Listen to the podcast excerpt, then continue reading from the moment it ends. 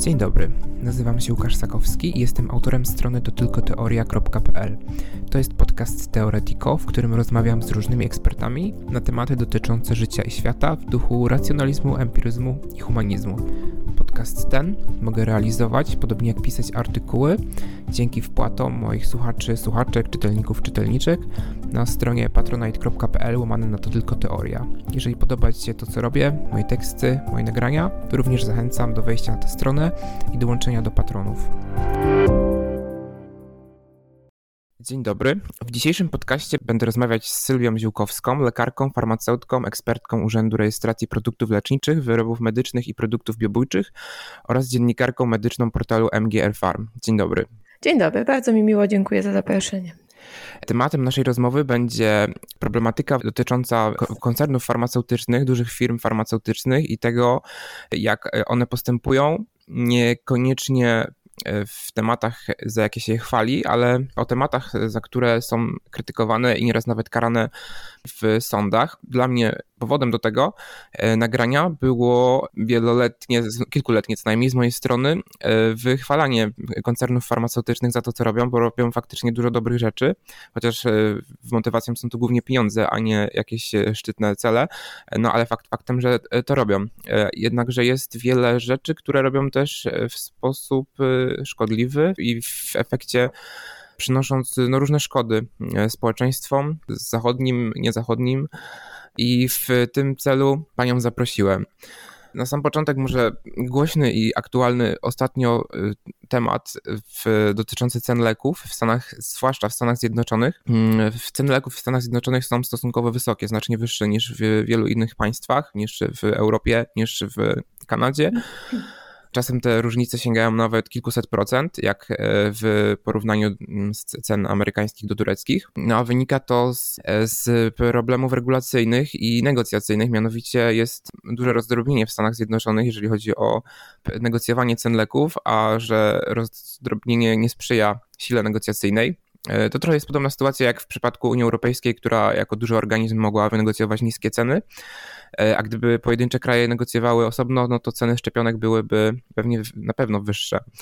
I taka sytuacja dotyczy e, leków na receptę w USA. Może Pani powiedzieć coś więcej na ten temat, jak to w, w tej chwili wygląda i z czego ten problem tak głębiej, a może też jeszcze z innych powodów wynika?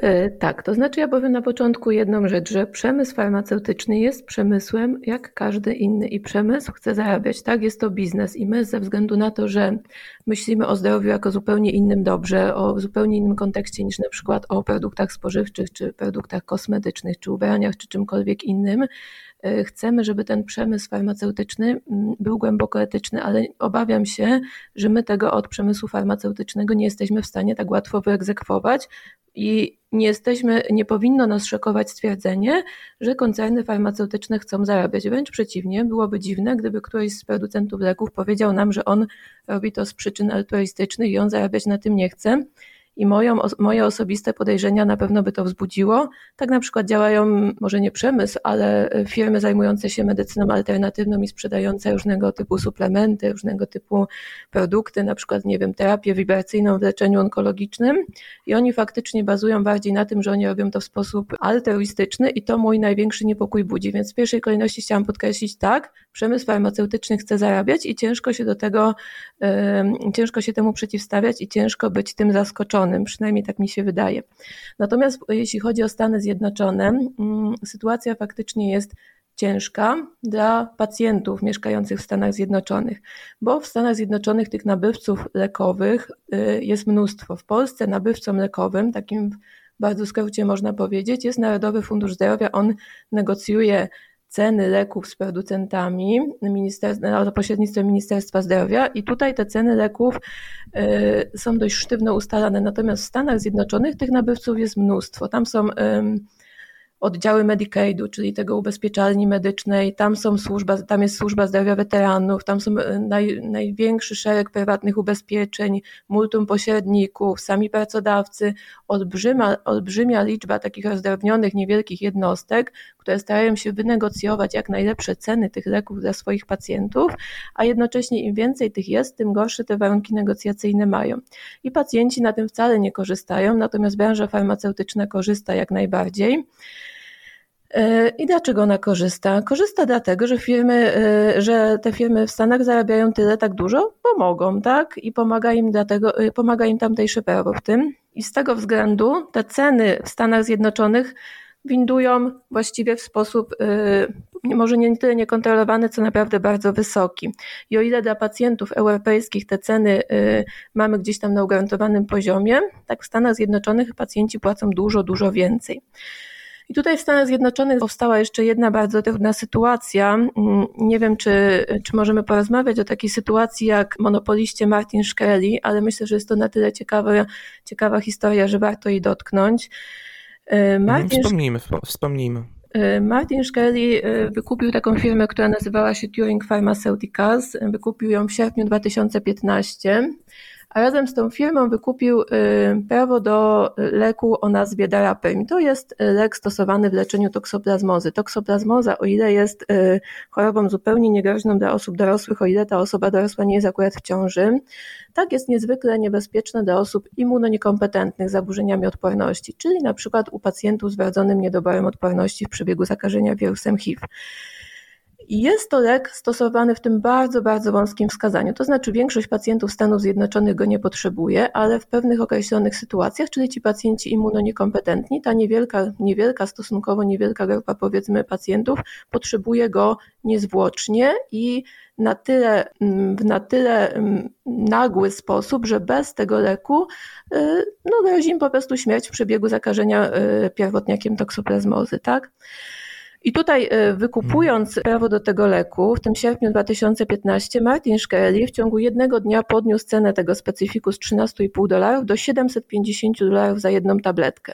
Olbrzymia, olbrzymia podwyżka, taka powiedzmy mhm. zupełnie, e, zupełnie nieadekwatna do tego, co się do tego, jakie koszty należy włożyć w produkcję tego leku, natomiast podniósł dlatego, że mógł, dlatego, że był monopolistą w Stanach Zjednoczonych. Y, I był to właściwie jedyny skuteczny środek do walki z toksoplazmozą i trzeba podkreślić, że był to środek bardzo, bardzo tani tak, w produkcji, natomiast jedynym powodem podniesienia tego ceny było to, że nie miał żadnej konkurencji, więc mógł go podnieść. Tak? Podobna sytuacja moglibyśmy sobie wyobrazić, mogłaby mieć miejsce w Polsce. W Polsce też mamy taki lek jak digoksynę.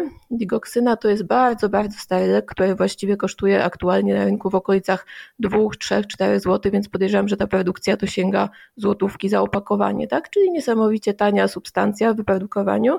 Natomiast Mamy też tylko jednego producenta w Polsce, który wytwarza ten lek, tak?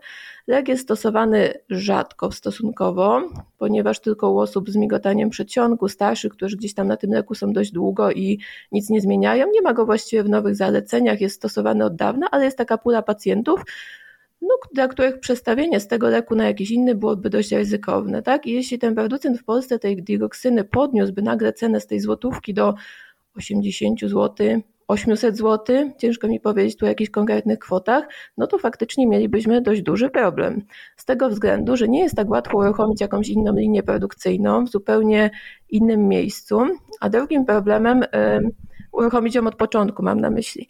Natomiast drugim problemem w Stanach, jeszcze jaki był taki zupełnie formalny w stosunku do tego leku Daraprim, to był taki, że aby uruchomić nową linię produkcyjną i żeby wyprodukować jakiś odpowiedni zamiennik tego leku, odpowiedni lek generyczny, była potrzeba zakupu odpowiedniej ilości tego daraprimu do badań biodostępności, do porównania jakby tych dwóch leków, tak? czyli między generykiem a lekiem oryginalnym.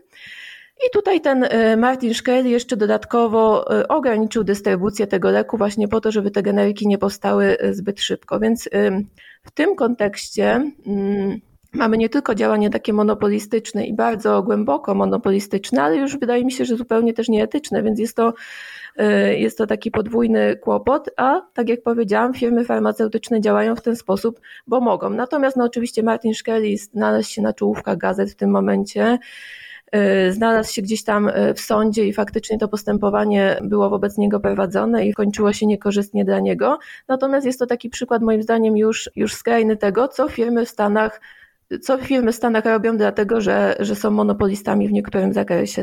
Ja y, dodam, że według jednego z badań, do którego dotarłem, ceny badanych leków na y, receptę mm, w USA stanowiły powyżej 200% ceny w Niemczech, Francji czy Kanadzie albo, albo też Włoszech i prawie 800% ceny w, w, Turcji.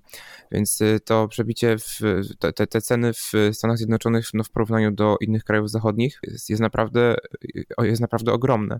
To nie są y, różnice rzędu kilku dolarów, tylko to są, zależy od ceny leku, bo mówimy teraz o procentach, ale generalnie no, są mhm. naprawdę spore, e, spore różnice.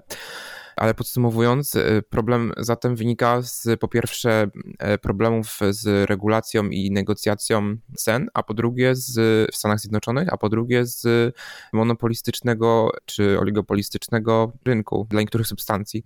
E, tak, wydaje mi się, że takie po prostu te ceny, ustalanie tej wartości leków jest na maksymalnym poziomie, jaki jest w stanie zaakceptować w tym czasie rynek, tak? I jest to chyba rutynowa praktyka w branży, szczególnie w Stanach Zjednoczonych. Na przykład w grudniu 2015 Wall Street Journal opisał opisał taki proces ustalania e, cen przez koncern Pfizer, takiego specyfiku służącego do walki z rakiem piersi.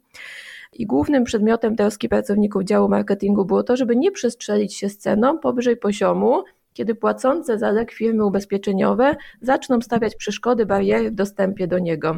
Czyli zaczną na przykład wymagać od lekarzy wypełniania dodatkowych formularzy z uzasadnieniem, dlaczego ten lek, a nie inny, bo to faktycznie w ich opinii mogłoby gdzieś tam przeszkodzić w rozprzestrzenianiu się dostępności tego leku i faktycznie lekarze chcieliby ten lek wypisywać rzadziej, tak? I po wywiadach takich przeprowadzonych z lekarzami, z właścicielami sieci aptek, z firmami ubezpieczeniowymi, doszli do wniosku, że taka barierą jest 10 tysięcy dolarów za y, miesięczną terapię, tak?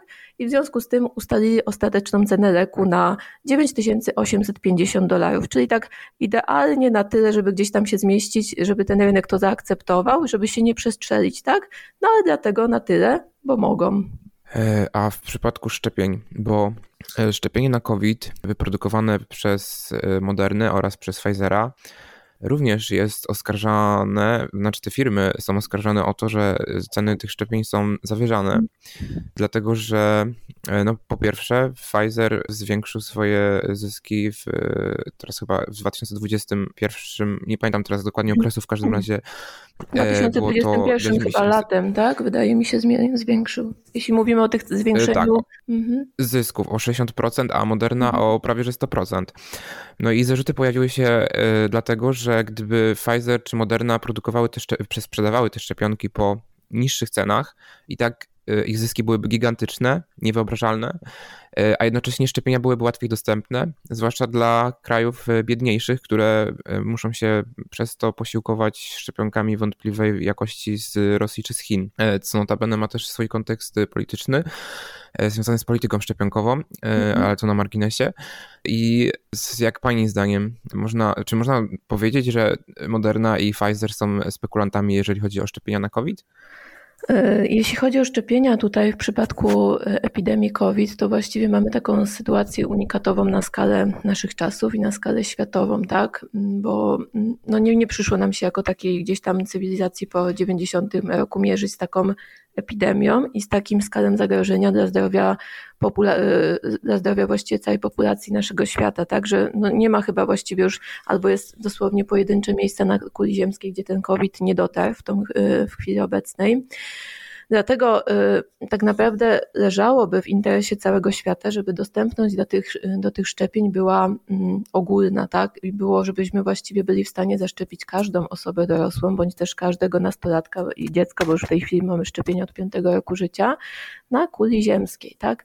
Natomiast na pewno nie jest to możliwe jednoczasowo, tak? I tutaj ten dostęp, różnica w dostępie do szczepionek w krajach wysoko rozwiniętych w stosunku do krajów mm, trzeciego świata no, był olbrzymi i cały czas pozostaje olbrzymi. Mm, to, co, o czym Pan mówił, to zwiększenie cen w, w lipcu, w sierpniu 2021 przez Modernę i Pfizera miało miejsce głównie dlatego, że te pozostałe szczepionki, które mamy zarejestrowane w Unii, które są właściwie najczęściej były stosowane, czyli szczepionka Johnson Johnson i szczepionka AstraZeneca, y, okazały się po pierwsze nie tyle skuteczne, jeśli chodzi o szczepionkę Johnson Johnson, ale też obarczone większym ryzykiem działań niepożądanych, no bo niestety te wszystkie powiedzmy w niewielkiej ilości występujące, ale mimo wszystko działające tak bardzo mocno na opinię publiczną y, przypad przypadki zakrzepów zatorowości indukowanej właśnie gdzieś tam szczepionką AstraZeneca y, bardzo mocno podziałały na niekorzyść i bardzo mocno obniżyły notowania tych firm i,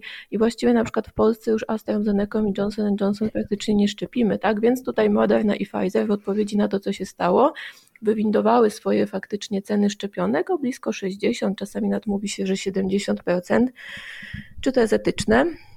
No to jest pytanie takie bardzo, y, bardzo złożone, bo z jednej strony, jeśli ja albo pan mielibyśmy produkt, który jest dobry i który jest lepszy od konkurencji, to nie wiem, czy pan, y, czy ja nie chcielibyśmy na nim po prostu zarobić, tak? Wydaje mi się takie dość logiczne. Natomiast z drugiej strony, w momencie, jak mówimy o zdrowiu takiej całej planety właściwie, mówimy o o zagrożeniu dla całego świata nie tylko w kontekście zdrowotnym, ale też w kontekście gospodarki, bo doskonale wiemy, jak COVID wpłynął na gospodarkę i na ekonomię całego świata, no to nie jest etyczne zdecydowanie, tak? Natomiast powstało już wiele inicjatyw, no bo tutaj jakie mamy możliwości przekonania koncernów farmaceutycznych, żeby postępowały etycznie, tak? No nie działamy w żaden sposób na przykład na przemysł y, samochodowy, żeby działał etycznie, no w jaki sposób możemy zmusić akurat przemysł farmaceutyczny, żeby postępował według zasad etyki, czyli żeby udostępnił te szczepionki po niższych cenach dla krajów rozwijających się. Myślę, że tu przede wszystkim muszą być inicjatywy rządowe, ale też inicjatywy takie y, międzykrajowe i bardziej działające w skali globalnej. I taką na przykład inicjatywą, która powstała jest COVAX, czyli taka inicjatywa, która za pośrednictwem WHO, za pośrednictwem agencji europejskich y, pozwala na przekazywanie części szczepionek od krajów rozwiniętych do krajów rozwijających się, tak? No bo obecnie w Polsce mm, i podejrzewam, że taka sytuacja jest y, w większości krajów europejskich. My mamy właściwie nadmiar tych szczepionek. Ja sama pracuję w punkcie szczepień i wygląda to mniej więcej w ten sposób, że jeśli mamy 60 osób zapisanych danego dnia, czyli mamy na przykład ileś tam fiolek, rozpuścimy te fiolki, które są ważne przez dobę, no maksymalnie 48 godzin, ale to już jest na granicy gdzieś tam podawania tych leków, no to jeśli nam kilka osób nie przyjdzie, nie jesteśmy w stanie zapewnić tak szybko kolejnych osób, więc te fiolki są po prostu, te, te dawki szczepionki są po prostu y, usuwane, tak, neutralizowane i, i nie mamy ich. I teraz sobie pomyślmy, że w kontekście tego, że ta dawka szczepionki faktycznie kosztuje w okolicach 20 dolarów chyba, tak wydaje mi się, że na tej mniej więcej, y, na tym pułapie gdzieś to, y, gdzieś to się szacuje, no to my olbrzymią ilość tych pieniędzy wylewamy do zlewu po prostu i nie przekazujemy ich do, do miejsc, gdzie one faktycznie są trudno dostępne. No to jest olbrzymi problem w skali takiej światowej, natomiast y, jedyną opcją jest to, żeby właśnie gdzieś te te, te szczepionki y, trafiały za pośrednictwem y, WHO i za pośrednictwem tej inicjatywy COVAX, bądź też innych podobnych inicjatyw do krajów rozwijających się, tak? Jeśli tu mamy nadmiar, a tam mamy niedobór, to nie wiem, czy nie łatwiej właściwie gdzieś tam przekazywać te nadmiary niż y, niż zajmować się, chociaż oczywiście to też powinno być poddawane naciskom, y, żeby te ceny jednak były troszeczkę inne dla krajów rozwijających się niż dla krajów europejskich, tak?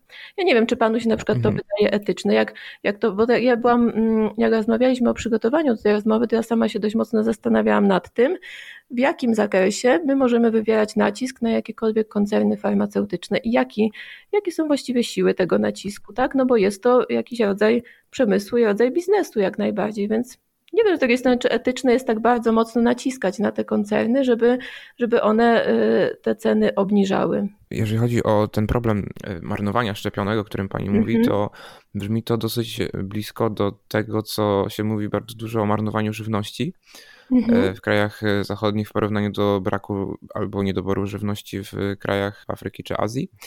Natomiast jeżeli chodzi o etyczność już samą, moim zdaniem osobiście ja uważam tak, że po pierwsze no, szczepionki jak również wielu, bardzo wielu, nie, jeśli nie wszystkich leków, nie wyprodukowano by, gdyby nie wcześniejsze dekady i w zasadzie już wieki badań, e, często finansowanych albo przez e, pieniądze publiczne, albo przez jakichś zapalonych przyrodników, czy lekarzy, czy biologów. To, to, to, że koncern farmaceutyczny ma, nie wiem, jakieś sprzęty, mikroskopy, PCR-y y, i różne inne rzeczy, które są niezbędne do prowadzenia badań y, i potem do produkcji, no to wszystko to mamy dzięki wcześniej zainwestowanym pieniądzom publicznym i y, albo pieniądzom prywatnym jakichś zapaleńców, czy charytatywnie zainwestowanym. Wobec czego to samo już jest argumentem za tym, żeby jednak e, społeczeństwo, opinia publiczna, czy też reprezentowany przez, e, reprezentujący ją rząd e, albo organizacje międzynarodowe miały jakiś wpływ na, na to, żeby te ceny móc jakoś uetycznić, że tak powiem. Oprócz tego myślę też, że jeżeli e, te, że to, e, że to nie jest taka dychotomia, właśnie, że to nie jest w ogóle dychotomia, to znaczy nie ma tutaj opcji albo albo, że albo ograniczamy marnowanie u nas, albo staramy się obniżać ceny, jakie proponują koncerny farmaceutyczne, mhm. tylko raczej to jest coś, co można robić równolegle. Pani chyba zresztą o tym wspomniała, że można to zrobić jedno i drugie i działać poprzez przekazywanie szczepień od nas do Afryki czy Azji, jak również, jak również wpływać na koncerny farmaceutyczne poprzez agencje rządowe czy też agencje międzynarodowe. Nie jestem specjalistą od prawa, ale wiem, że na pewno są odpowiednie możliwości prawne, żeby wymusić na koncernach czy to ograniczenie stosowania patentów, czy to właśnie obniżenie leków.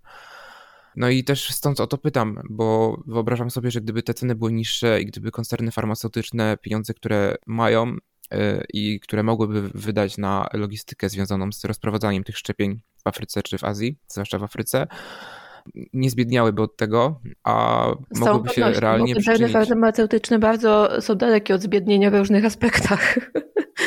No, no właśnie, właśnie tak przytaczałem, te, te, te Moderna mm. i Pfizer się e, ogromnie wzbogaciły, a Pfizer tak już wcześniej był bardzo bogaty, e, więc e, nawet jeżeli by przeznaczyły jakieś, jakąś część, raz, że mniej by zarobiły, bo ceny, znaczy w zasadzie nawet nie można powiedzieć, że mniej by zarobiły, bo dzięki skali tych dawek tych szczepień mogłoby się okazać, że sprzedając więcej albo po niższych cenach, ale więcej, zarobiłyby nie mniej, albo ta różnica byłaby nieduża. Także ja sądzę, że powinny być prowadzone takie naciski na koncerny farmaceutyczne, żeby te ceny, czy to szczepień, czy też e, w przypadku innych substancji leków obniża, e, były obniżone, żeby uwzględniały nie tylko zyski dla danej firmy, ale właśnie też ten interes społeczny. Oczywiście muszą być brane pod uwagę takie aspekty, jak to, ile kosztuje wynalezienie danego e, leku, E, czy też opłacenie pracowników, ale w tej chwili myślę, że to jest bardzo z, niezbalansowane, że to, to ciążenie zdecydowanie przeważa na, e, na korzyść e, po prostu czystego zarobku dla firmy, dla jej udziałowców i tak dalej,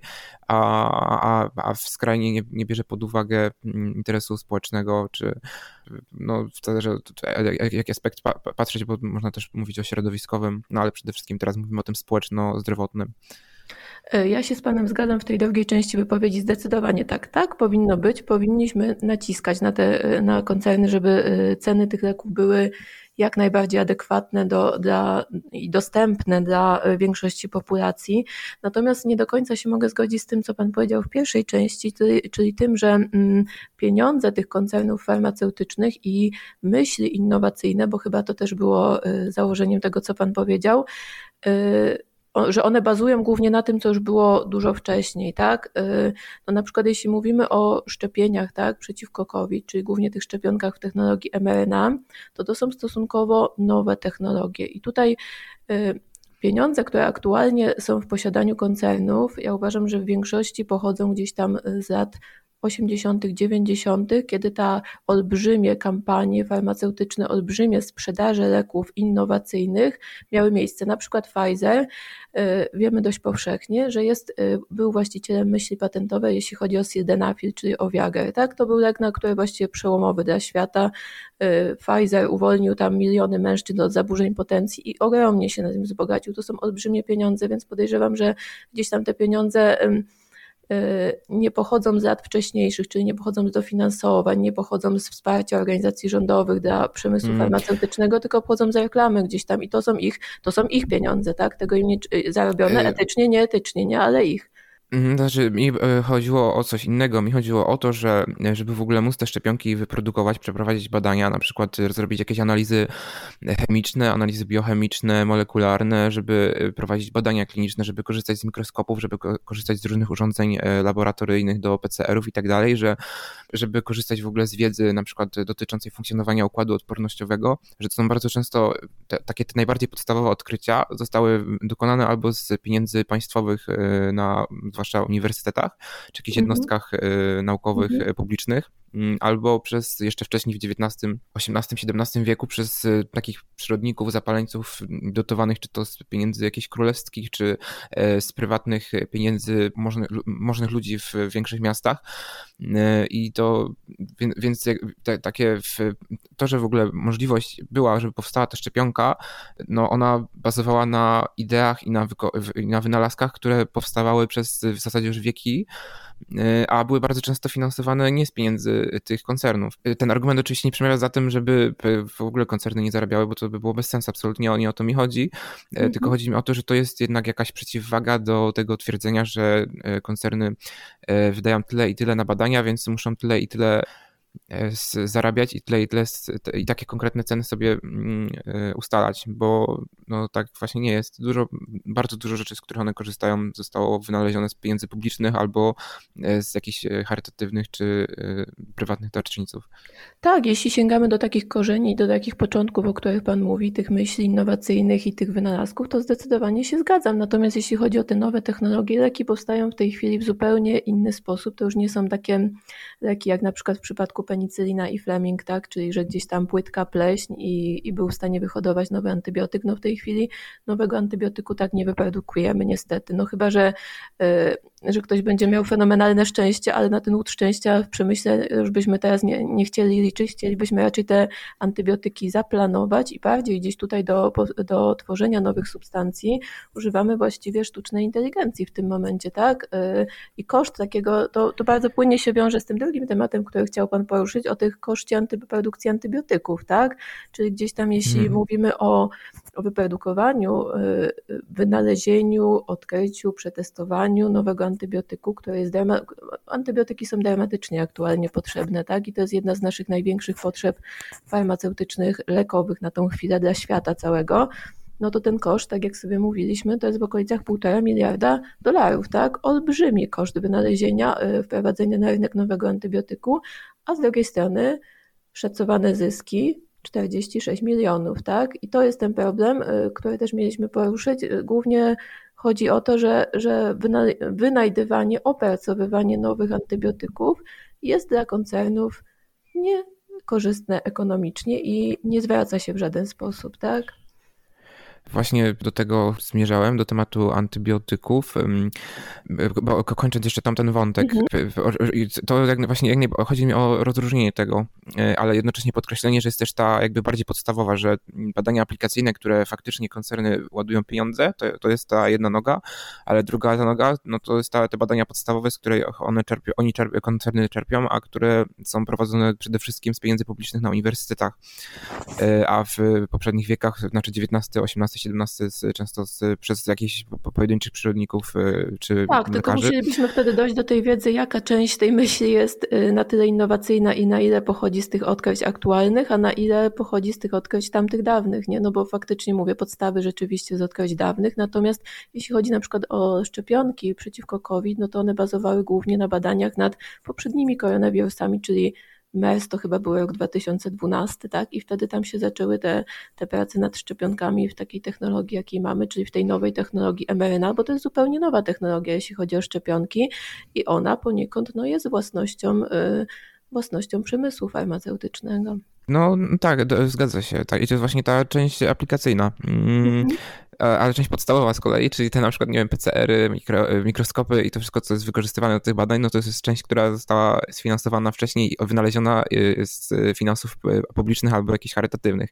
E, tak, ale, ale nie wiem, czy to nie tematu... przechodzimy do takiej, ja jeszcze tylko ostatnią uwagę na ten temat wtrącę, mm -hmm, czy nie przechodzimy mm -hmm. do takiego, do takiego właśnie upraszczania sytuacji, tak jakbyśmy właśnie, no mówię, od przemysłu motoryzacyjnego wymagali tantiemów z powodu tego, że bazują na wynalezieniu koła, tak, czyli gdzieś tam y, jaki mamy procent udziału w tym, co oni zrobili, a jaki mamy procent tego, co było no, bardzo podstawowe i bardzo dawne, tak? To, to, są, to są skomplikowane zdecydowanie zagadnienia, ale myślę, że warte poruszenia faktycznie.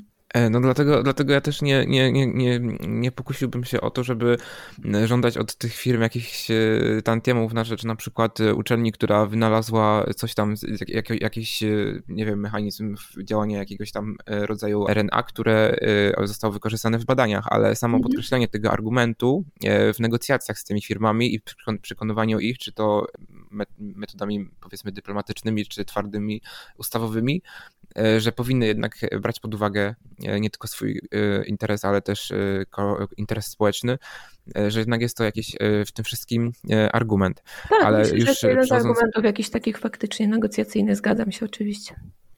No, to, to, to w, tym, mhm. w tym rzecz. E, natomiast jeżeli chodzi o antybiotyki, e, tutaj znowu będę, zacznę przynajmniej od e, Pfizera, bo Pfizer produkował, wynajdował antybiotyki od połowy mniej więcej XX wieku, w zasadzie równo od połowy XX wieku i osiągał na tym polu sukcesy, ale 10 lat temu głośno było, może nie w takich mainstreamowych mediach, ale branżowych, że Pfizer likwiduje w Anglii w Sandwich, ośrodek e, badania antybiotyków.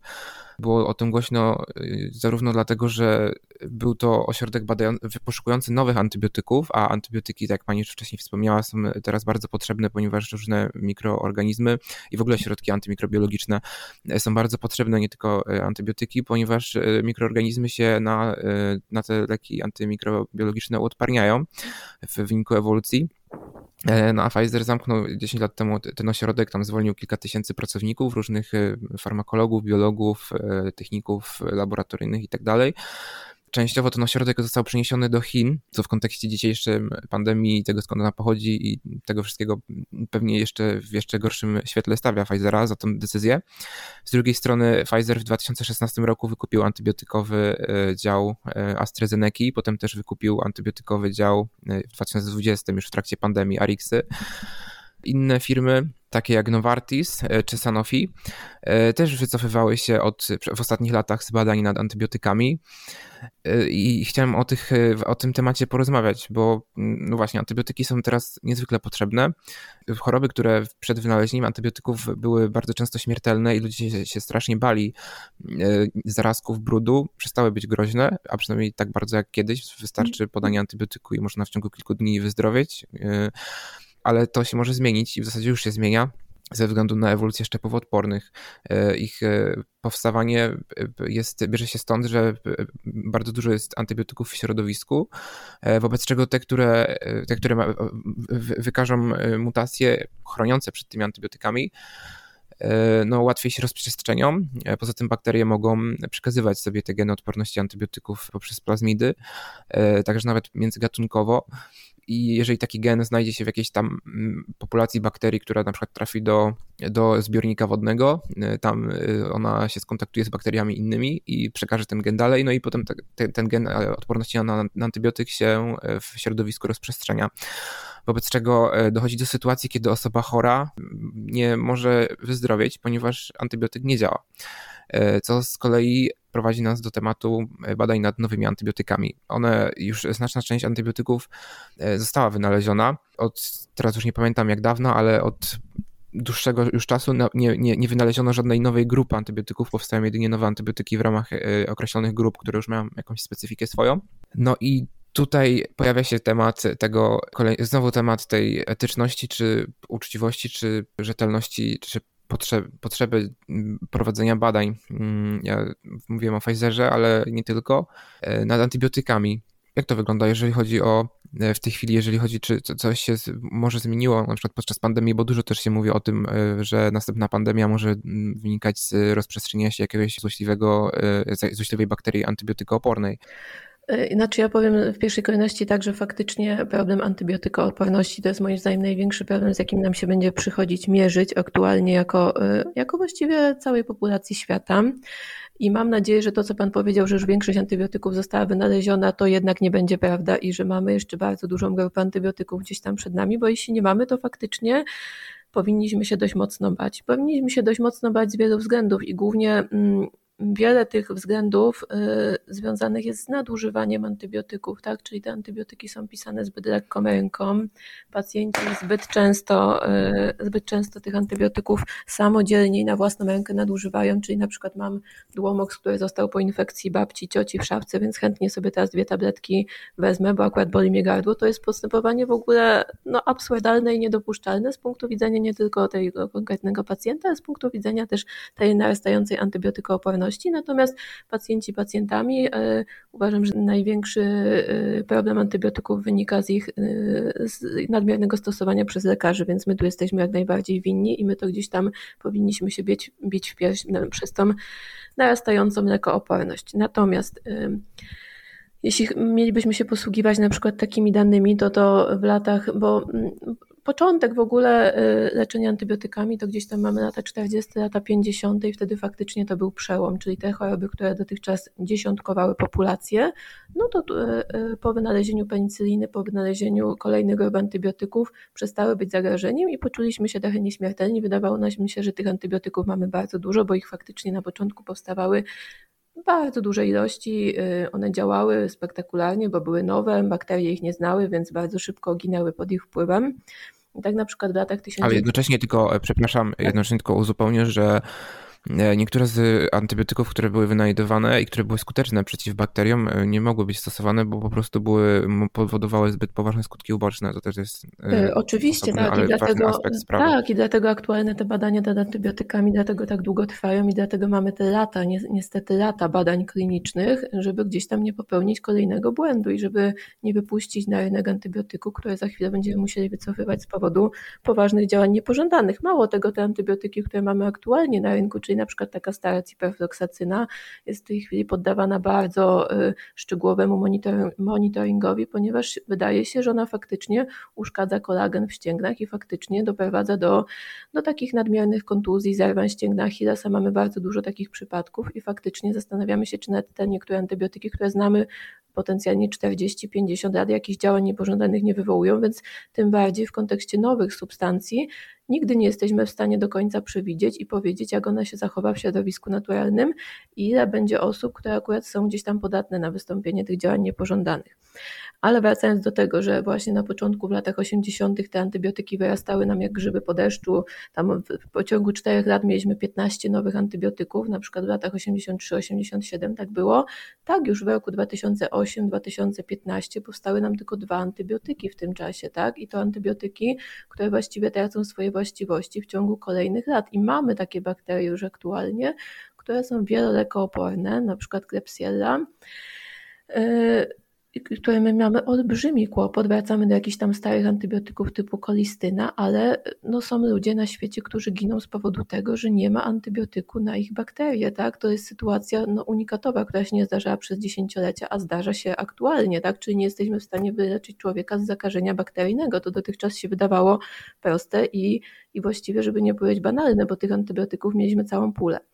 Ale yy, przechodząc do tego, o co Pan głównie pytał, czyli do tego, jak zmusić koncerny do pracy nad nowymi antybiotykami, jeśli jest to dla nich nieopłacalne, no to znowu przechodzimy do. Ja się jeszcze tylko dopytam, może na, mm -hmm. najpierw chciałbym zapytać w ogóle o to działanie Pfizera, mm -hmm. ale pewnie też innych firm, których ja może nie wyszukałem, a które podejmowały inne działania poza Pfizerem, jest to Novartis czy Sanofi. Jak w ogóle, e, czy można winić te firmy za to, że one w ten sposób postępują, że można mieć do nich jakieś pretensje o to, że one zamykają albo ograniczają e, finansowanie badań nad antybiotykami nowymi, czy e, zamykają w ogóle takie ośrodki? To jest dla mnie ten sam problem, o którym mówiliśmy wcześniej, czyli o ile, win, o ile można winić biznes, że postępuje tak że chciałby zarobić, tak? Więc y, oni jak najbardziej są winni w zakresie temu, że nie myślą o tym zdrowiu populacyjnym, nie myślą o, o tym, co się z nami dzieje, kiedy fak- y, stanie, kiedy faktycznie będziemy mieli dostępu do działających antybiotyków i to jest myślenie bardzo krótkoterminowe i za to faktycznie można winić, no myślę, że zarząd, bo przecież w tym zarządzie nie zasiadają tylko ekonomiści, nie zasiadają tylko osoby, które gdzieś tam liczą, ale zasiadają przede wszystkim osoby z wykształceniem medycznym, więc ciężko mi sobie gdzieś tam y, wyobrazić, że one nie wiedzą, co się dzieje i nie wiedzą, jak bardzo te antybiotyki są nam potrzebne, więc za to zdecydowanie za takie myślenie krótkoterminowe winić ich można. Natomiast za, za chęć zarobku i za zamykanie niedochodowych inwestycji, no wracamy do punktu wyjścia, na ile myślimy o przemyśle farmaceutycznym bizne, jako biznesie, a na ile myślimy o jako służbie czy ochronie zdrowia, tak? Bo jeśli myślimy o nim jako o służbie czy ochronie zdrowia, to jest działanie oczywiście głęboko nieetyczne. Jeśli myślimy o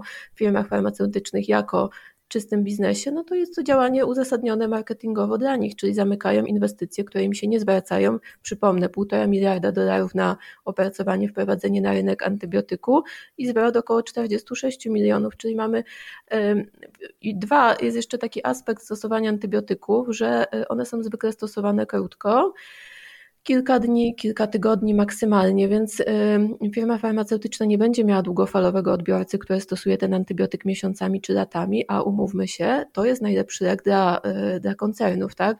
Czyli wracając na przykład do dezinformacyjnych teorii antyszczepionkowych, no ciężko mi uwierzyć w to, żeby, firmy farma, żeby firmom farmaceutycznym zależało, żeby nas wszystkich zamordować tymi szczepionkami, tak? bo to zupełnie nie w ich interesie leży. W ich interesie leży to, żebyśmy stosowali jeden lek bardzo długo, czyli żebyśmy na przykład stosowali go przez 50 lat, bo wtedy jesteśmy stałym odbiorcą, stałym konsumentem i może na nas stale zarabiać, tak? Więc tutaj y, w tym kontekście z jednej strony nieetyczne, tak jak powiedziałam, w kontekście tego myślenia globalnego, a z drugiej strony zrozumiałe, uzasadnione w kontekście y, tego, że te firmy chcą zarobić. I tutaj jakbyśmy mogli temu przeciwdziałać? I tutaj wydaje mi się, że mamy trochę więcej możliwości niż w przypadku tych negocjacji tych cen leków czy cen szczepionek bo możemy w pewien sposób y, zaproponować jakieś tam rozwiązania satysfakcjonujące obie strony, czyli z jednej strony, żeby organizacje zdrowotne, WHO, organizacje rządowe mogły otrzymać nowe antybiotyki, a z drugiej strony, żeby te firmy też mogły na tym zyskać. I tutaj z jednej strony możemy myśleć o dofinansowaniu tych badań, ale o ale też y, o takich gratyfikacjach dla tych firm już po opracowaniu tego nowego antybiotyku, czyli na przykład o wydłużeniu ochrony patentowej. Bo y, patent jest tym, na czym firmy farmaceutyczne zarabiają najwięcej, tak? I one nawet są w stanie czasami dopłacać, jeśli ten patent się kończy lekowy, y, w różnych sytuacjach on jest różno długi, ale powiedzmy około 10 lat, jeśli ten patent lekowy się kończy, to one są w stanie dopłacać innym firmom, które już mogłyby produkować leki, y, y, odpowiedniki, leki generyczne, żeby one jeszcze przedłużały na przykład i nie wypuszczały tego leku generycznego na rynek farmaceutyczny, tylko po to, żeby ten lek oryginalny mógł być dłużej lekiem jedynym na rynku. Więc takie oferty w stylu odkryjecie nam nowy antybiotyk, a my wam za to damy wydłużenie tej ochrony patentowej, czyli będziecie mogli dłużej na nim zarabiać, Wydaje mi się, że są dość sensowne i mogłyby być opłacalne dla obydwu stron tego, tego biznesu, tego interesu. Kolejnym takim ciekawym pomysłem, aczkolwiek kontrowersyjnym i chyba dla mnie najbardziej kontrowersyjnym z tego wszystkiego, wydaje się skrócenie okresu badań klinicznych nad antybiotykami. To jest kolejne pytanie właśnie, jakie, mhm. miałem, y, jakie chciałem zadać. Mianowicie, czy jest te badania, obostrzenia wokół badań klinicznych nie są trochę przeregulowane? Czy nie ma za dużo tych wymogów dotyczących bezpieczeństwa, przez co no, one są zbyt drogie, zbyt długo trwają i w efekcie nie opłaca się takich badań robić? To jest bardzo trudne pytanie, bo ja bym tak lekko ręką nie, nie była na tyle odważna, żeby skracać te badania kliniczne, bo tak jak powiedziałam, mamy mm, olbrzymią ilość leków, które były przetestowane w takim schemacie, w takiej procedurze, jak aktualnie funkcjonujące, czyli lata właściwie badań i one już trafiły na rynek. Głównie to mamy na przykład leki przeciwcukrzycowe, niektóre były, ale też niektóre leki kardiologiczne, multum takich leków i które się okazywało nagle, po dwóch, trzech latach musiały być wycofywane z powodu jakichś pojawiających się nowych danych. I jeśli my tutaj y, danych oczywiście o działaniach niepożądanych mam na myśli, czy na przykład zwiększeniu śmiertelności z przyczyn sercowo-naczyniowych, czy y, no najczęściej to były głównie zwiększanie ilości udarów, zawałów i tak dalej, czyli to, co nam najbardziej zagraża populacyjnie. Jeśli my stosując tą standardową procedurę jesteśmy w stanie, nie jesteśmy w stanie niektórych takich przypadków wyłapać, oszacować, przewidzieć, to, mm, mm, to, obawiam się, że skracając niektóre procedury, y, szczególnie mam na myśli badania takie y, już tej trzeciej fazy, czyli badania z, y, badania z pacjentami, z pacjentami najczęściej chorymi, no, ryzykujemy dość dużo, tak? I natomiast z drugiej strony mamy, mm, mamy taką furtkę, która została też zastosowana w przypadku szczepień w epidemii COVID, że potrzeba zdrowotna, aktualna, społeczna uzasadnia skrócenie tych niektórych faz, tak? Czyli jeśli mamy bezpośrednie zagrożenie życia, zdrowia i w tym, w tym kontekście mieliśmy zagrożenie właściwie zdrowia światowego, czyli no musieliśmy w jakiś sposób y, podjąć działania, żeby powstrzymać zasięg chociażby tej epidemii, to niektóre y, nie tyle bym powiedziała ryzykujemy, co stawiamy na szali te dwa dobra i stwierdzamy, że jednak podjęcie pewnego ryzyka jest warte tego, tych, tych ewentualnych korzyści, jakie jesteśmy w stanie otrzymać.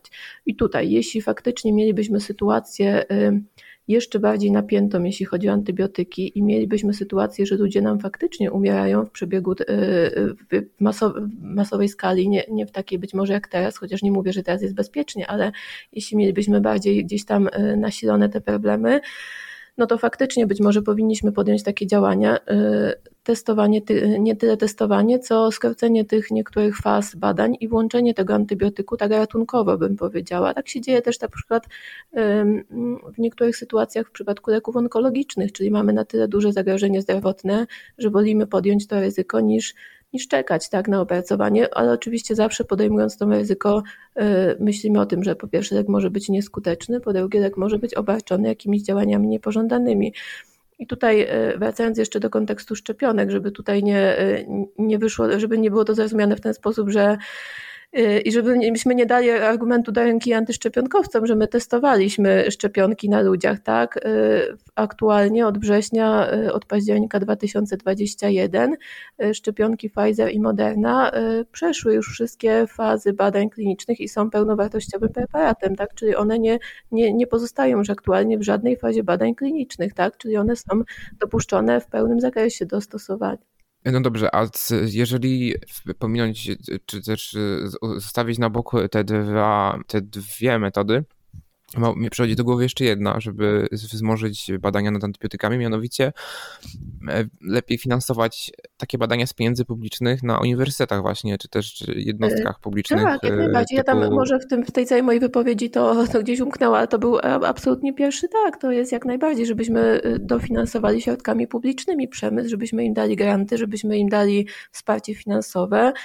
No zależy nam na tym jako społeczeństwu, więc musimy za to zapłacić niestety wykonawcy, czyli koncernowi farmaceutycznemu. Mm-hmm. Tylko, że teraz, bo pani mówi cały czas o e, e, firmach i koncernach, mm-hmm. a ja mhm. myślę o badaniach na, uniwersytet, na uniwersytetach, czy na przykład w Polsce jednostki Akademii, Polskiej Akademii Nauk, mm, tego typu instytucjach. To jest, to jest bardzo głęboko już w tej chwili ze sobą powiązane, czyli część tych, część tych metod badawczych, część tych, ja tutaj no, nie wiem, czy, czy jestem na tyle kompetentna, żeby się wypowiadać w tej kwestii, ale y, mamy na tyle już głębokie powiązanie przemysłu farmaceutycznego z nauką, że części tych metod, części tych badań, y, niektórych y, Niektórego sprzętu brakuje, szczególnie w Polsce, w tej części naukowej, i konieczna jest taka współpraca my coś im dajemy, oni dają coś nam, tak? Czyli nie jesteśmy w stanie na tym tylko y, uniwersytecie i w tym laboratorium wyprodukować tego leku, musimy nawiązywać taką współpracę, głównie w kwestiach metodologicznych, głównie w kwestiach technicznych, żeby niektóre rzeczy uzyskać. Tak, tak mi się wydaje. Ale wyobraźmy sobie na przykład, że my od przyszłego roku e, rząd polski albo w ogóle na przykład cała Unia Europejska organizuje taki program e, pod tytułem Więcej mikrobiologów i powstają jakieś zachęty dotyczące kierowania studentów na właśnie kierunek e, mikrobiologii powstają dofinansowania w, w dziedzinie badań mikrobiologicznych, takie skupienie się pieniędzy publicznych właśnie na tym, żeby tych ekspertów i badań, y, które potem posłużą do współpracy z biznesem do, i do produkcji y, nowych antybiotyków było więcej. Y, jak, nie wiem, co Pani o czymś takim, bo ja sobie właśnie tak to wyobrażam, że między innymi, że pieniądze idą na przykład na program zachęcania studentów do studiowania mikrobiologii, jak również na badania właśnie takie mikrobiologiczne w, na, na uczelniach. Ja nie wiem, czy naszym problemem jest to, że brakuje nam ludzi. Ja uważam, że mamy wiele fantastycznie wykształconych, fantastycznie myślących, y, innowacyjnie myślących osób aktualnie w Polsce, natomiast brakuje nam sprzętu, brakuje nam takich grantów naukowych. To są olbrzymie pieniądze też na sfinansowanie tego wszystkiego, na nawiązanie współpracy międzynarodowej, bo część na przykład badań jesteśmy w stanie zrobić tylko we współpracy z laboratoriami, których w Polsce nie ma, więc y, myślałabym bardziej niż nad y, nie, znaczy może, może nie, nie mam pełnej wiedzy, ale nie, nie jestem, e, nie wydaje mi się, żeby naszym głównym problemem był brak ludzi. Wydaje mi się, że to jest głównie brak sprzętu, brak technologii, brak miejsc, gdzie mogłyby te, te leki powstawać, niż y, faktycznie brak, y, brak osób kwalifikowanych do tego, bo moim zdaniem mamy fantastycznie wykwalifikowaną kadrę y, naukową, natomiast tej kadrze naukowej są stawiane jakieś takie bariery, które czasami są nie do przejścia, brakuje pieniędzy i brakuje gdzieś tam no, podstawowego czasami wyposażenia, tak? I mm, tutaj przede wszystkim aktualnie w takim globalnym naszym świecie to podstawą tego, tej pracy naukowej jest też wymiana myśli międzynarodowa i umożliwienie tym naszym polskim naukowcom wyjazdów zagranicznych, grantów, stypendiów. To jest, to jest sposób na zwiększenie dochodowości być może polskiej nauki. Mhm, rozumiem. A mm, temat e, lekooporności dotyka nie tylko właśnie, jak mówiłem, antybiotyków, ale też na przykład e, leków przeciwmalarycznych, e, takich jak chlorchi, chlorchina czy artemizyna. I kolejny zarzut wobec taki moim zdaniem uzasadniony, przynajmniej po części, wobec firm farmaceutycznych. Oczywiście zawsze to się, zawsze to rozpatrujemy to w kontekście tym bardziej etyczno-moralnym niż biznesowym, bo mhm taka, taka, taka linia sporu pomiędzy tym, e, czy bardziej patrzymy na koszty i zyski finansowe, czy społeczne, albo na przykład środowiskowe, e, będzie. Mm, I w, właśnie w kontekście tych, tych kosztów i zysków społecznych, e, czy zdrowia publicznego, zarzuca się firmom, że znacznie więcej pieniędzy przeznaczają na badania leku, na, na, nad lekami, które mogą być i są potrzebne powszechnie w bogatych krajach zachodu, które mogą za te leki dużo zapłacić.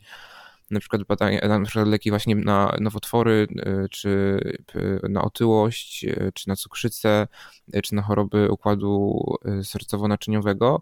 Natomiast bardzo niewielkie nakłady finansowe czy środki właśnie kadrowe i strukturalne idą na e, badania malarii, leków na malarię, e, która zabija, e, teraz nie pamiętam, chyba kilkaset tysięcy osób rocznie, mhm. głównie właśnie Azja i Afryka te, te, te, liczby się pewnie wahają zależnie od roku, tam czasem to jest ponad milion, czasem chyba nawet około dwóch, zależy do których y, statystyk z którego roku się zajrzeć, zajrzy. Y, to też jest y, nieraz w dyskusjach na temat pandemii i tego, dlaczego Afryka czy niektóre kraje Azji aż tak się tą pandemią nie przejmują, wybrzmiewało, że oni mają znacznie poważniejsze problemy na przykład z malarią, mhm. albo chociażby właśnie w, kończę pisać artykuł o wściekliźnie i z kolei w Indiach mają problem na przykład ze wścieklizną, Mhm. 20 tysięcy, y, około 20 tysięcy y, osób y, tam umiera na wściekliznę co roku a w Unii Europejskiej już chyba ponad dekady ani jedna osoba nie zmarła z tego powodu, więc to jest no, taki kolejny zarzut wobec tych firm, że nie, nie dają, dają bardzo niskie nakłady na, na to, co jest potrzebne i to bardzo potrzebne w Afryce, czy w Azji, czy w Ameryce Południowej, a dają bardzo duże pieniądze na to, co jest bardzo potrzebne w, w Europie, czy w Stanach Zjednoczonych, czy w Kanadzie, a co oczywiście też ratuje życie, ale niejednokrotnie nie na tak bardzo podstawowym poziomie, jak chociażby właśnie antybiotyki czy leki przeciwmalaryczne. Y, absolutnie tak i to jest moim zdaniem jeden z takich większych problemów y, braku etyki firm farmaceutycznych, które mnie chyba mm, dużo bardziej też szokuje niż, y, niż windowanie niektórych cen dla,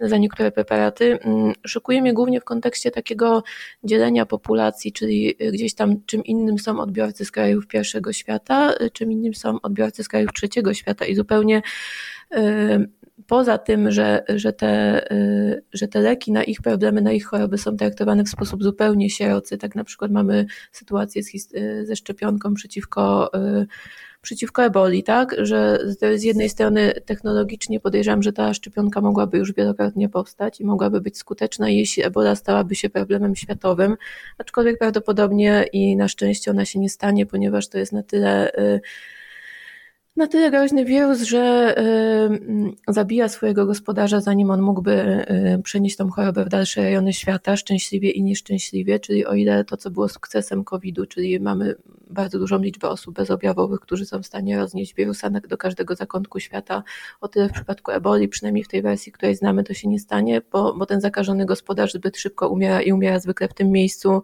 w którym się zakaził. No ale wracając do tego, y, technologicznie ta szczepionka przeciwko y, y, zakażeniu wirusem Ebola mogłaby powstać, a ona nie powstaje z tego względu, że... Znaczy ona, przepraszam, ona już powstała, ona już powstała, tylko chodzi chyba rzecz w tym, że ona mogłaby powstać wcześniej niż, niż podczas tej epidemii 2014-16. Mm, ona nie jest, nie jest idealna, tak? To znaczy mm, powstała do takiego użytku nagłego i gdzieś tam w tych miejscach endemii i w tych miejscach, które faktycznie może być użyta, mhm. ale to nie jest szczepionka, która może być zastosowana na skalę światową, tak na przykład jak te szczepionki, które aktualnie mamy. Y, y, dwa, ona nie została też tak y, do końca nam tutaj upowszechniona. I, I właściwie no, nie możemy powiedzieć, że ta szczepionka rozwiązała nam problem y, eboli w tych, y, w tych państwach, ponieważ no, no, no, no nie jest na taką masową skalę produkowana, natomiast mogłaby zdecydowanie i podejrzewam, mhm. że nie tyle, że ona by mogła, ale bo tych szczepionek w ogóle przeciwko wirusowi eboli powstało dużo, tak? Natomiast nie mamy takiej jednej w 100%, przynajmniej w 90 kilku procentach skutecznej i nie mamy takiej szczepionki dostępnej powszechnie. Natomiast technologicznie uważam, że ona mogłaby powstać, gdyby to zainteresowanie firm y, farmaceutycznych było dużo, dużo większe i gdyby te środki inwestycyjne, które miałyby iść w tym kierunku, gdyby to stało się problemem globalnym, ona z pewnością powstałaby w ciągu pół roku, w ciągu roku. I to jest olbrzymi problem, bo zupełnie mm, inaczej traktujemy obywateli y, tamtych od obywateli naszych, tak? Czyli dzielimy świat na jakieś takie dwie subpopulacje, co się nie powinno zdarzyć. I to, jeśli chodzi o tym dzieleniu świata na te dwie subpopulacje, y, to ma też miejsce w przypadku testowania leków. I zupełnie inaczej e, te prace nad lekami przebiegają tutaj w naszym społeczeństwie, zupełnie inaczej na przykład w Afryce. I to jest dla mnie olbrzymi problem etyczny.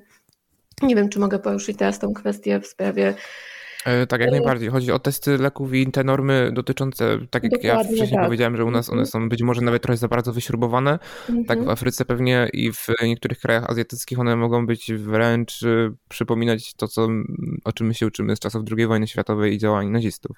Może nie, może nie używajmy aż takich mocnych słów, natomiast na pewno one są bardzo dyskusyjne moralnie i bardzo dyskusyjne etycznie i to jest sprawa, która dla mnie y, powinna być przedmiotem ścigania, przedmiotem karania i przedmiotem zdecydowanej takiej Y, reakcji i, i organizacji rządowych i, i, i wszystkich innych instytucji zajmujących się tym zdrowiem publicznym.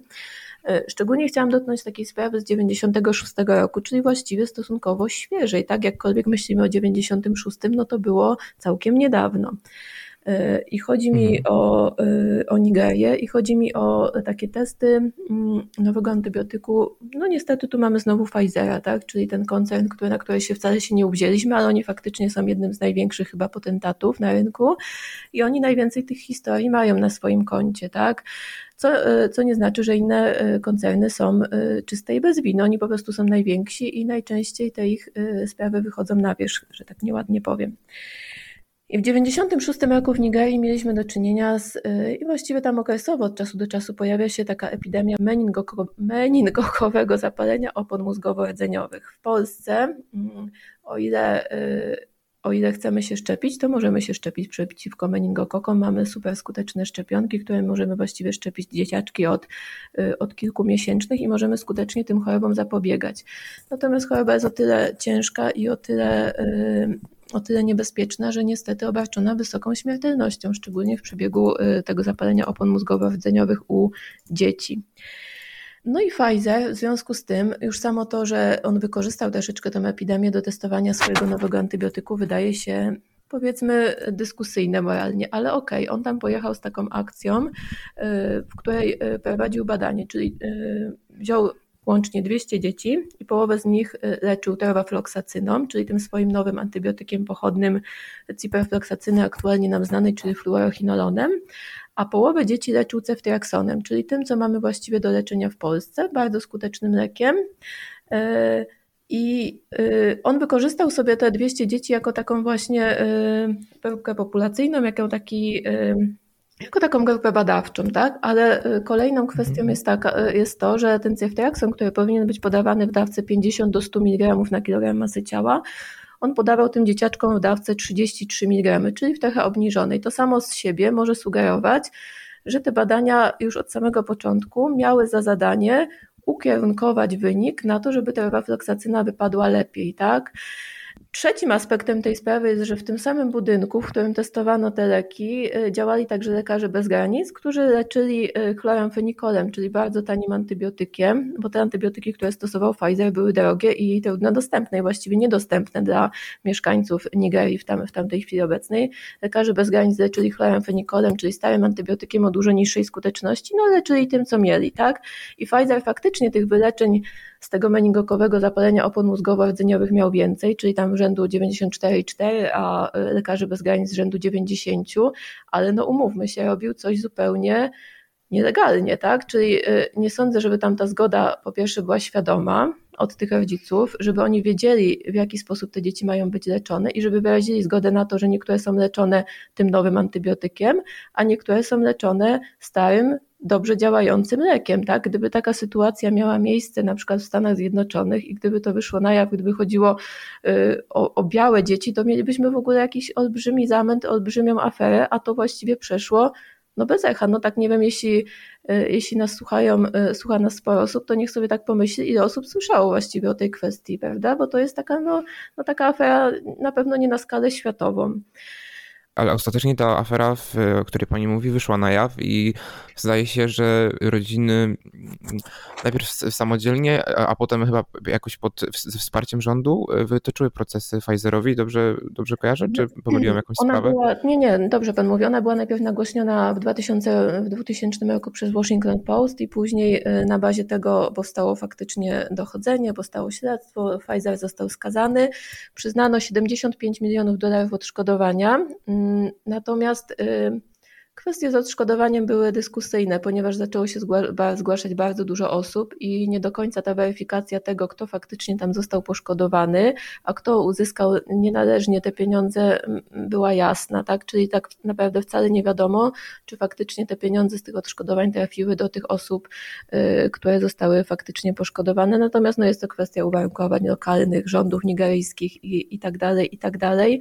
Natomiast jeszcze takim taką wisienką na torcie tej całej historii, taką negatywną wisienką jest to, że właściwie faktycznie terwafloksacynę w, 900, y, w latach 998 wprowadzono do sprzedaży ale za rok ją wycofano z powodu nadmiernej hepatotoksyczności, czyli nadmiernego ryzyka uszkodzenia wątroby i nigdy w tym czasie, kiedy była stosowana na rynku, nie stosowano jej u osób poniżej 18 roku życia. Nigdy takich wskazań nie dostała rejestracyjnych, tak? Czyli nigdy w białej populacji, powiedzmy sobie to jasno, nikt nie zaryzykował życiem dziecka, żeby y, y, stosować ten lek, tak? Natomiast lekką ręką uczyniono to w Afryce.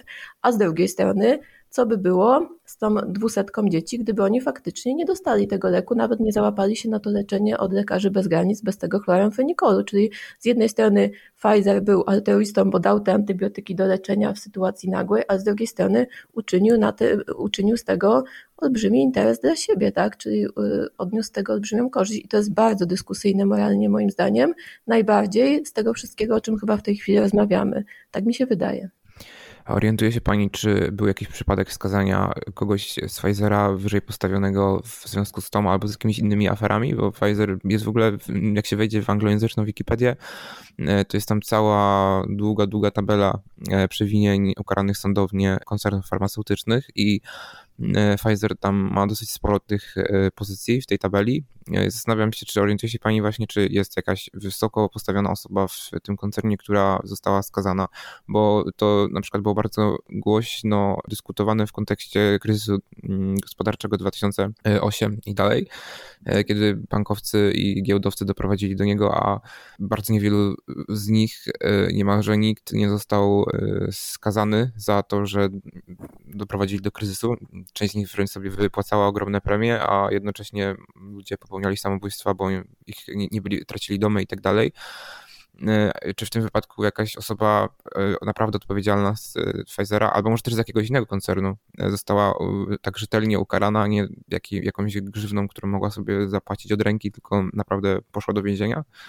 Ja powiem szczerze, że nie znam takich danych. Być może takie istnieją, ale nie mam takiej wiedzy i na tyle, na ile gdzieś tam w tych tematach y, się orientuję i na tyle, na ile mm, tworzę te artykuły różne o takich przewinieniach y, przemysłu farmaceutycznego, zawsze ta odpowiedzialność jest dużo bardziej zbiorowa, czyli y, koncern jako koncern dostaje karę finansową, być może jakieś tam przesunięcia kadrowe, być może zwolnienia z niektórych stanowisk mają miejsce faktycznie, natomiast ten, te afery zwykle nie mają jakiejś jednej określonej twarzy, czyli nie ma tak, że jedna określona osoba zostaje skazana, wyrzucona ze stanowiska, odpowiada karnie, odpowiada cywilnie w procesach.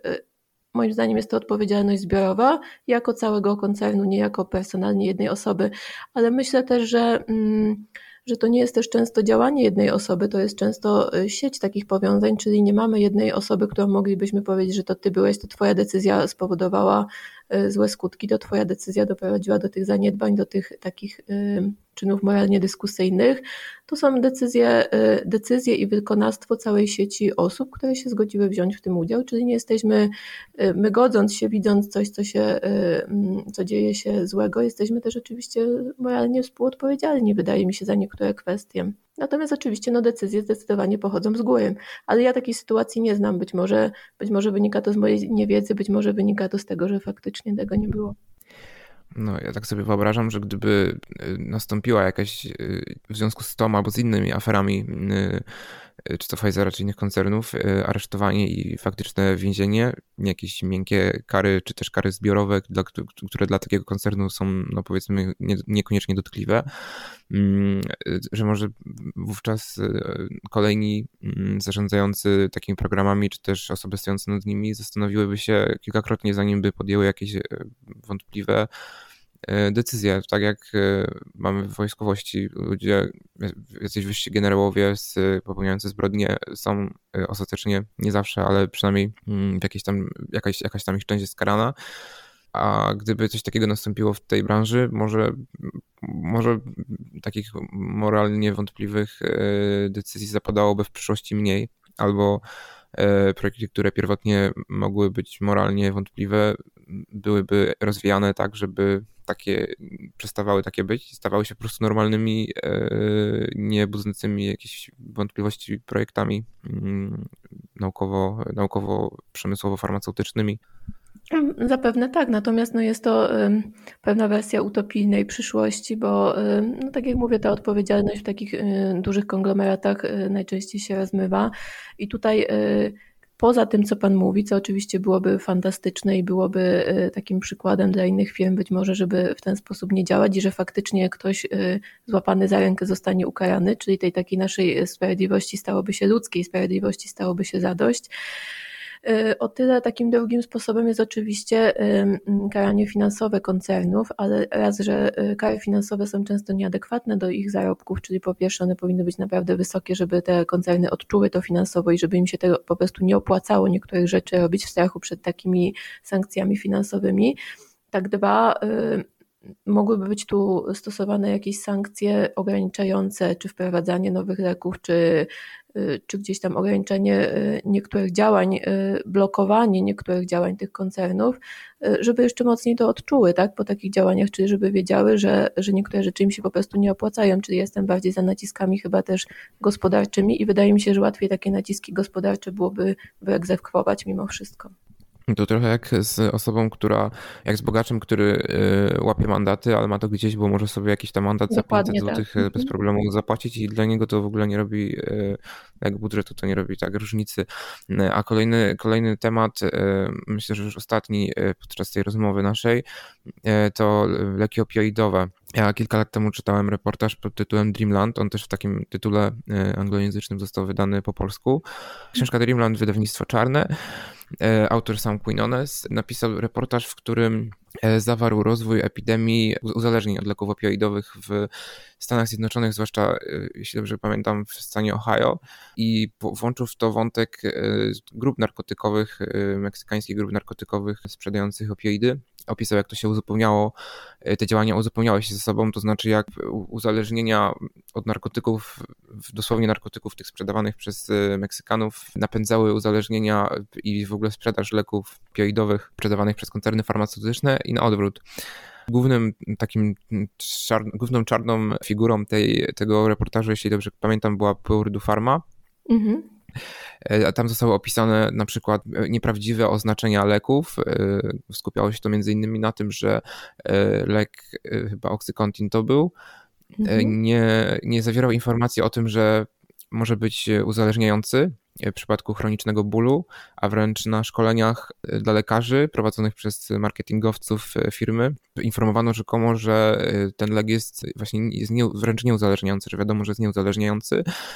Tam autor mm, opisał to, jak bazowano na, w te informacje tą bazowano na jakiejś zapisie, raporcie medycznym jakiegoś lekarza, który mm, na podstawie jakichś pojedynczych chyba przypadków i jeszcze w ogóle na początku stosowania tego leku coś takiego sobie tam gdzieś zanotował no wyszła z tego manipulacja. Może Pani coś więcej opowiedzieć a propos tego, tej epidemii, w którym bardzo duży udział, włoży, wkład miały, włożyły w właśnie firmy farmaceutyczne, tutaj głównie Purdue Pharma, chociaż pewnie nie tylko.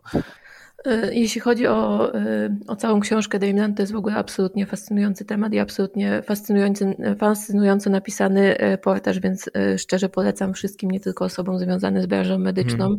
Fantastyczna książka. Natomiast dla mnie to jest o tyle ciekawy i niezwykle taki y, poruszający temat, że my przecież wiedzieliśmy doskonale od czasów wynalezienia morfiny, że opioidy uzależniają. I to jest niesamowite, że to się wydarzyło po raz kolejny. To prawo antynarkotykowe i to prawo zakazujące gdzieś tam y, stosowania tak bez, y, bez kontroli morfiny było w Stanach już od lat 20. czy 30. XX wieku. I nagle mamy w tym momencie powtórkę z całej historii. I faktycznie zaczęło się to od tego, o czym Pan wspomniał, czyli od takiej pracy doktora Herschela Dzika, który zajmował się właściwie y, leczeniem osób z ostrym bólem pooperacyjnym i on faktycznie w takiej bazie medycznej, którą y, którą y, stworzył sobie na potrzeby właściwie własnego szpitala, odnotował, że u tych osób, u których w tym ostrym bólu pooperacyjnym stosuje opioidy, to ryzyko uzależnienia jest niskie, tak? I taką pracę za pośrednictwem swojej y, stażystki, studentki, już w tej chwili nie pamiętam, kim była dokładnie ta pani, opublikował w postaci nawet nie artykułu, ale w postaci listu do New England Journal of Medicine, czyli takiego bardzo, y, bardzo opiniotwórczego czasopisma medycznego. Mm, I bazując właściwie na tym liście, firma farmaceutyczna, Purdue Pharma, o której Pan wspomniał, która, której właścicielem była taka bajecznie bogata, bajecznie bogata rodzina amerykańska, rodzina Sacklerów, która funkcjonowała też na rynku farmaceutycznym od, od lat 30. mniej więcej. Y, oni uczynili z tego ogromny, ogromny marketing tych opioidów i taką samą napędzającą się spiralę właściwie stosowania tych opioidów. I największym ich sukcesem dla nich, ale największą tragedią dla społeczeństwa amerykańskiego było to, że przekonali to lekarzy i przekonali społeczeństwo, że opioidy, a tutaj mam na myśli głównie stosowany przez nich lek opioidowy, taką no też pochodną morfiny oczywiście oksykodon, y, jest, nie ma potencjału uzależniającego.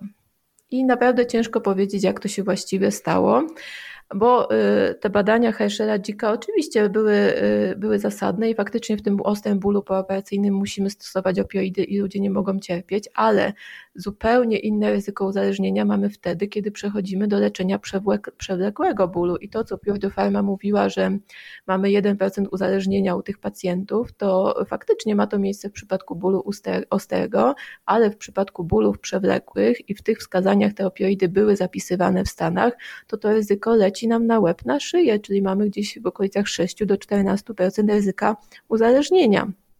I to, co się stało, jest wynikiem właśnie, powiedzmy to sobie jasno, takich nieczystych zagrań tego koncernu farmaceutycznego, ponieważ oni tą spiralę marketingową, spiralę komercyjną rozkręcili do granic absurdu. Y, oni są w ogóle y, odpowiedzialni za rozpoczęcie promowania leków w ten sposób, że przedstawiciel farmaceutyczny idzie do lekarza i zostawia mu próbkę leku, którą tą, darmową, którą tą próbkę leku y, ten lekarz wydaje swojemu pacjentowi. I to też jest ciekawa i dyskusyjna sprawa, bo w ten sposób działają też dilerzy narkotykowi, tak? Czyli pierwszą dawkę leku dostajesz za darmo, pierwszą dawkę narkotyku dostajesz gratis, jak ci się spodoba, przyjdziesz po kolejne i kupisz następne. Więc no takie to jest samo w sobie już na początek e, dyskusyjne, natomiast oni w ten sposób działają już od, od 50. i są uważani za autora tej metody, zaczęli tak działać właśnie z antybiotykiem, z teramycyną, a później przenieśli te metody działania na kolejne leki, kolejne i kolejne. I w przypadku oksykodonu, po pierwsze, przekonywali tych lekarzy, że ryzyko uzależnienia jest dramatycznie niskie, właściwie żadne, 1%. Mm, dostarczali olbrzymie ilości tych oksykodonów do gabinetów lekarskich właśnie po to, żeby pacjenci sobie za darmo ten oksykodon y, wypróbowali, żeby lekarze rozdawali te próbki pacjentom. Rozdawali niezliczone gadżety, y, no nawet tam dochodziło do takich absurdów w stylu przynosili nam, y, przynosili nie nam, no ja tam nie pracowałam w tych czasach, przynosili płyty y, z piosenkami o oksykodonie typu Get the Swing with Oxycodin, no absurdalne, prawda, z takiego punktu historycznego widzenia, natomiast no tak faktycznie się działo. Y, I oni przed... W tej książce chyba jeszcze opisano taki, y, taką kampanię mm, też marketingową skierowaną od, ze strony handlowców tej firmy do lekarzy pod tytułem organizowanie jakiejś konferencji, wypadów do hoteli. Tak, jak najbardziej. Mhm. na wysokim poziomie, finansowanie lekarzom tych pobytów, takich mini wakacji, a w ramach tych pobytów odbywały się szkolenia o stosowaniu tych leków. Przekonywanie też, że, bo, bo to też w tej książce zostało opisane, jak część środowiska środowiska medycznego zaczęła y, naciskać na ogół z środowiska medycznego, żeby ból został uznany za parametr życiowy i mhm. jak wykorzystano to potem y, ten, y, zmianę tego paradygmatu do właśnie lżej, przepisywania lżejszą ręką takich środków uzależniających środków przeciwbólowych. Mhm, jak najbardziej. Generalnie firma działa w ten sposób, żeby wywołać jak najwięcej pozytywnych skojarzeń u lekarzy i u pacjentów z tym swoim lekiem, tak? No i odniosła spektakularny sukces, bo faktycznie Amerykanie są, mm, no nie ukrywajmy, się, nie ukrywajmy, dużo ciężsi od populacji europejskiej i choroba zwyrodnieniowa czy stawów, czyli ta choroba, która wiąże się głównie której przyczyną jest głównie przeciążenie tych stawów przez nadmierną masę ciała, poza tym starzenie oczywiście też, ale ta nadmierna masa ciała zdecydowanie na to wpływa. Y, chorują na, na zwyrodnienie stawów masowo i oni potrzebują leków przeciwbólowych i ja nie neguję absolutnie, że oni cierpieli z powodu bólu, tak, i żądali jakiegoś skutecznego leku. My w Polsce leczymy to niesteroidowymi lekami przeciwzapalnymi, które też oczywiście mają swoje wady, no ale y, tam zaczęto stosować masowo oksykodon. I niestety ci pacjenci, u których stosowano to w bólu przewlekłym, bólu przewlekłym mam na myśli powyżej 3 miesięcy, 6, 12 miesięcy, czyli naprawdę długo, zaczęli się od tego leku uzależniać. Mało tego, że zaczęli się uzależniać, zaczęli zwiększać dawki i w momencie yy, w momencie, bo z opioidami mamy taką sytuację, że niestety te, te standardowo stosowane na początku dawki przestają po pewnym czasie działać i człowiek potrzebuje coraz wyższych i coraz wyższych. W momencie, jak nie dostaje tych wyższych dawek, niestety ci pacjenci zaczęli korzystać z rynku, y, z czarnego rynku, czyli zaczęli przechodzić na narkotyki, niestety najczęściej na heroinę i to, był, to się stało już dramatyczne, ponieważ ludzie nam zaczęli w Stanach Zjednoczonych umierać masowo i w latach, w 2006, w 2016 roku odnotowano 63 600 zgonów z powodu przedawkowania leków, a 66,4, czyli olbrzymia większość, stanowiło nadużycie opioidów. I to były najczęściej osoby młode, to nie były osoby gdzieś tam w wieku podeszłym, to byli 20-30-latkowie, którzy rozpoczynali leczenie jakiegoś tam bólu często. Y, lekami przepisanymi od lekarza, y, co było społecznie akceptowane i y, co nie budziło niepokoju ich rodzin, nie budziło niepokoju ich samych. I nagle z, tego, z tych leków trafiali gdzieś tam na ulicę, stawali się uzależnieni. I to, to jest dramat, który właściwie trwa choć w ograniczonym zakresie teraz w Ameryce, natomiast bo podjęto niektóre określone działania, żeby tą epidemię powstrzymać, tego nadużycia opiatów, natomiast to się działo i wtedy mniej więcej w tym szczycie odnotowywano około 115 zgonów osób młodych najczęściej z powodu przedawkowania leków opioidowych. No, ginęło więcej osób niż w przebiegu y, wypadków samochodowych. Olbrzymia sprawa i olbrzymia tragedia dla społeczeństwa amerykańskiego. Głównie zawiniona właśnie stanie... przez działania koncernu. Mhm, w stanie Ohio chyba nazywano ty, tych ludzi y, straconym pokoleniem, staje się. Mhm, tak, dokładnie. No, dla samego A... koncernu ta sprzedaż Oxycontinu y, wyniosła y, y, prawie miliard dolarów, tak? czyli gdzieś tam olbrzymia roczna kwota, za, za pomocą której ten koncern się wzbogacił. No i tutaj na szczęście Amerykanie wydaje mi się, że dość, bo dość w porę się opanowali i zaczęły, może w porę, może już właściwie po czasie, no ale opanowali się w końcu i podjęto takie działania rządowe. Od 2016 roku działa taki Narodowy Program Kontroli Wypisywania, czyli preskrypcji tych recept na opioidy, czyli każda recepta na opioidy podlega dość ścisłemu monitoringowi. Skończyły się te takie, skończyła się działalność albo w znacznie ograniczonej Y, mierze działają te kliniki leczenia bólu, które tak szumnie nazywały się klinikami leczenia bólu, ale właściwie jedynym ich celem było przepisywanie kolejnych opioidów. Nazywały się tak y, potocznie y, pill czyli taki młyn pigułkowy, czyli właściwie wchodzi pacjent, dostaje opioidy, wychodzi bez jakiejś głębszej analizy jego stanu zdrowia. No i właściwie aktualnie działalność tych klinik jest bardzo mocno ograniczona. Y, wprowadzono ograniczenia ilościowe, czasowe w receptach na opioidy. Y, te kliniki leczenia bólu otrzymały limity na użycie tych opioidów, zbiera się dane o tych wystawionych receptach, zbiera się dane o realizacji. Lekarz, który wypisuje tą konkretną receptę na opioidy, widzi, ile ten pacjent tych opioidów już uzyskał. No i teraz do odmiany prowadzone są szkolenia, które mówią bardzo jasno y, amerykańskim lekarzom, że opioidy uzależniają, że należy znowu wprowadzić tą opioidofobię, czyli to, co mamy, to jest w ogóle absurdalna sytuacja z, punktu, z punktu widzenia Polski, bo my w Polsce mamy opioidofobię, z którą walczymy, czyli polscy lekarze i polscy pacjenci boją się niezwykle opioidów i nawet w tym silnym bólu, w tym bólu takim paliatywnym, kiedy pacjent już powinien dostać morfinę, powinien dostać silniejsze leki opioidowe, on ich nie dostaje, a tam z kolei y, trzeba, trzeba od nowa wywołać ten lęk przed opioidami, czyli ten, ta bariera psychiczna, która została złamana oksykodonem, musi po raz kolejny zostać wywołana, czyli musimy gdzieś tam ustabilizować to na takim e, etapie, że z jednej strony opioidy są skutecznymi lekami do leczenia bólu i powinny być stosowane, ale w żadnym przypadku nie mogą być nadużywane, bo one faktycznie e, uzależniają. E, sam ten lek e, Oxycontin, on zdaje się też był reklamowany, bo w Stanach nie ma, a przynajmniej wówczas nie było takiego ograniczenia, żeby, tak jak u nas w Polsce, żeby reklamować leki wydawane na receptę, prawda?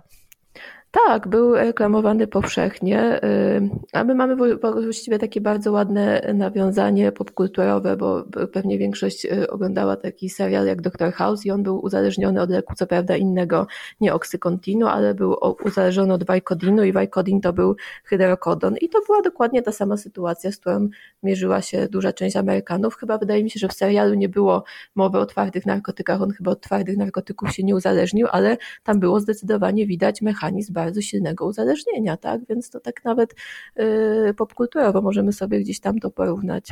E, Purdue Pharma została też ukarana.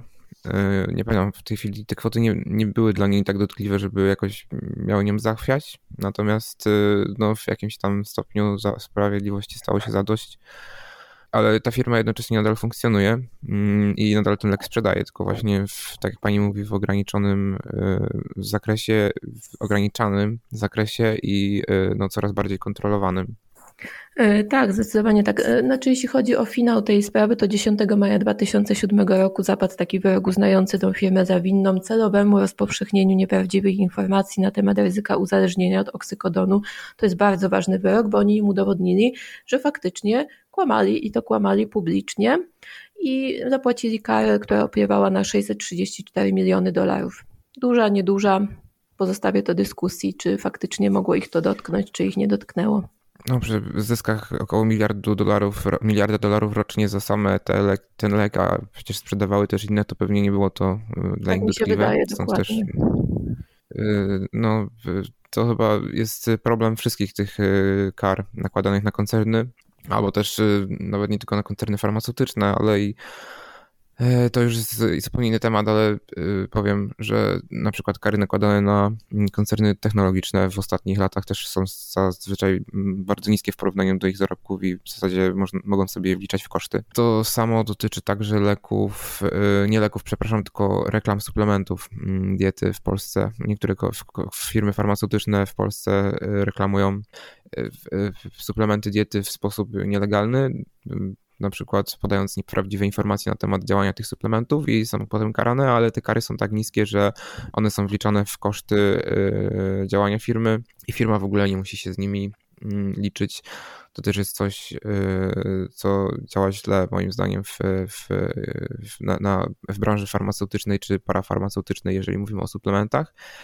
To jest coś, co wspomniałam jeszcze jedno e, zdanie, tylko powiem właściwie, że to jest coś, co wspomniałam na samym początku, że dużo bardziej nieetycznym biznesem jest moim zdaniem medycyna alternatywna. Tam y, pojawiają się olbrzymie kwoty za substancje y, zupełnie y, o nieudowodnionym działaniu, a wręcz czasami szkodliwe, jeśli pacjenci porzucają klasyczną terapię na rzecz medycyny alternatywnej. I to jest prawdziwie nielegalny biznes, który niestety wyrósł w siłę i wzmocnił się w czasie pandemii COVID, tak? Czyli gdzieś tam ludzie są w stanie zapłacić olbrzymie olbrzymie pieniądze za suplementy wzmacniające odporność o nieudowodnionym działaniu, y, a nie ufają szczepionkom y, i nie ufają y, temu klasycznej, medycynie, czyli właściwie no nie ma, nie możemy powiedzieć o zdrowiu alternatywnym, zdrowie mamy tylko jedno i medycynę też mamy tylko jedną konwencjonalną, natomiast wszystko inne no to jest gdzieś tam fałszowaniem tych naszych podstawowych zasad leczenia. I to jest olbrzymi biznes i to jest biznes nieetyczny, dużo bardziej nieetyczny moim zdaniem niż windowanie tych cen przez koncerny farmaceutyczne. Mhm, no to jest biznes, który dotyka na przykład homeopatii, tradycyjnej medycyny chińskiej, e, normobarii, popularnej ostatnio, czy biorezonansu. I to, myślę, że to też jest dobry temat na y, osobną rozmowę. Mhm. A już kończymy, bo mhm. nagrywamy półtorej godziny. Bardzo dziękuję za rozmowę. Rozmawiałem z Sylwią Ziółkowską, lekarką farmaceutką. E, dziennikarką portalu MGR Farm i e, ekspertką Urzędu Rejestracji Produktów Leczniczych. Dziękuję bardzo. Bardzo mi miło, dziękuję za rozmowę. Był to podcast Teoretico. Jeśli Wam się podobał, to zachęcam do obserwowania strony totylkoteoria.pl, najlepiej poprzez dodanie jej do zakładek oraz zapisanie się na newsletter, jak również obserwowanie podcastu na platformach podcastowych. Zachęcam także do dołączenia na patronite.pl łamane na to tylko teoria, bo to dzięki wsparciu patronów i patronek mogę realizować ten podcast, jak również pisać artykuły na stronie. Do usłyszenia.